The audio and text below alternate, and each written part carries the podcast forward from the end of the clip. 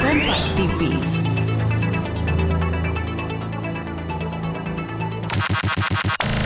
Jumpa lagi bersama saya Aiman Wicaksono.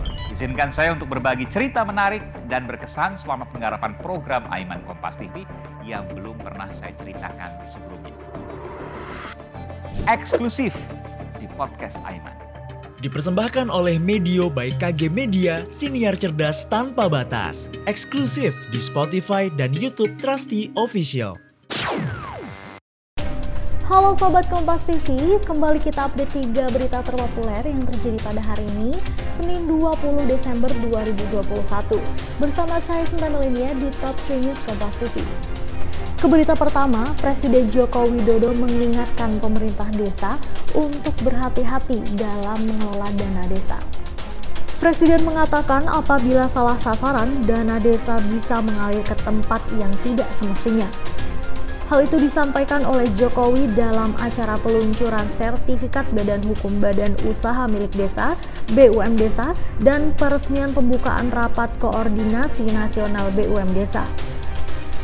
Jokowi mengungkapkan sejak 2015 pemerintah telah menyalurkan dana desa sebesar 401 triliun rupiah.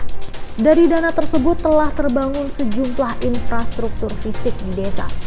Antara lain, jalan desa yang sudah terbangun sepanjang 227.000 km. Kemudian embung desa sudah terbangun 4.500 unit, irigasi 71.000 unit, jembatan 1,3 juta meter, hingga pasar desa 10.300 unit. Selain itu, telah dibangun pula sejumlah fasilitas untuk peningkatan kualitas hidup di desa. Baiklah sahabat Kompas TV, kita beralih ke berita selanjutnya. Misteri sumber penularan kasus pertama varian Omikron yang ditemukan di Wisma Atlet Kemayoran akhirnya terjawab. Kementerian Kesehatan memperkirakan varian Omikron ini sudah masuk di Indonesia sejak November 2021. N, seorang petugas kebersihan di Wisma Atlet Kemayoran yang menjadi pasien kasus Omikron perdana Indonesia yang terkonfirmasi tak punya riwayat perjalanan ke luar negeri.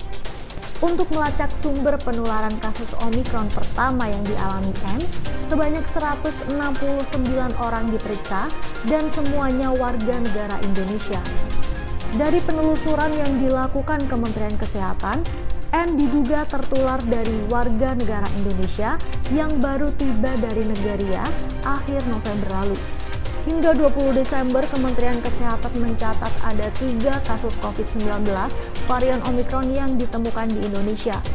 Kasus pertama, N, adalah transmisi lokal dan dua kasus lain berasal dari luar negeri.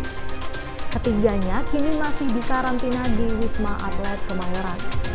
10 sampel orang yang berkontak erat dengan N juga masih diperiksa oleh metode whole genome sequencing untuk mengidentifikasi kemungkinan varian Omicron yang menyebar. Omicron kini sudah terdeteksi di 89 negara dan berlipat ganda setiap satu setengah hingga tiga hari dengan transmisi komunitas. Berita terakhir, Bahar bin Smith kembali dilaporkan ke polisi. Kali ini, Bahar bin Smith dilaporkan atas dugaan ujaran kebencian yang mengandung sara. Ada dua laporan yang telah diterima oleh penyidik Polda Metro Jaya. Pelapor adalah seorang mahasiswa asal kota Serang dan warga Jakarta Selatan. Pelapor menyebut Bahar Smith telah menyebarkan ujaran kebencian dan permusuhan berdasarkan sara.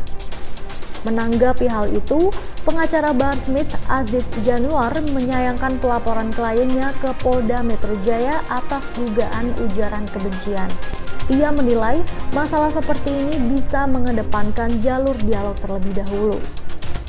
Nah, sahabat Kompas TV, itu dia tiga berita terpopuler yang terjadi pada hari ini. Saya Sinama ini pamit undur diri dan sampai jumpa.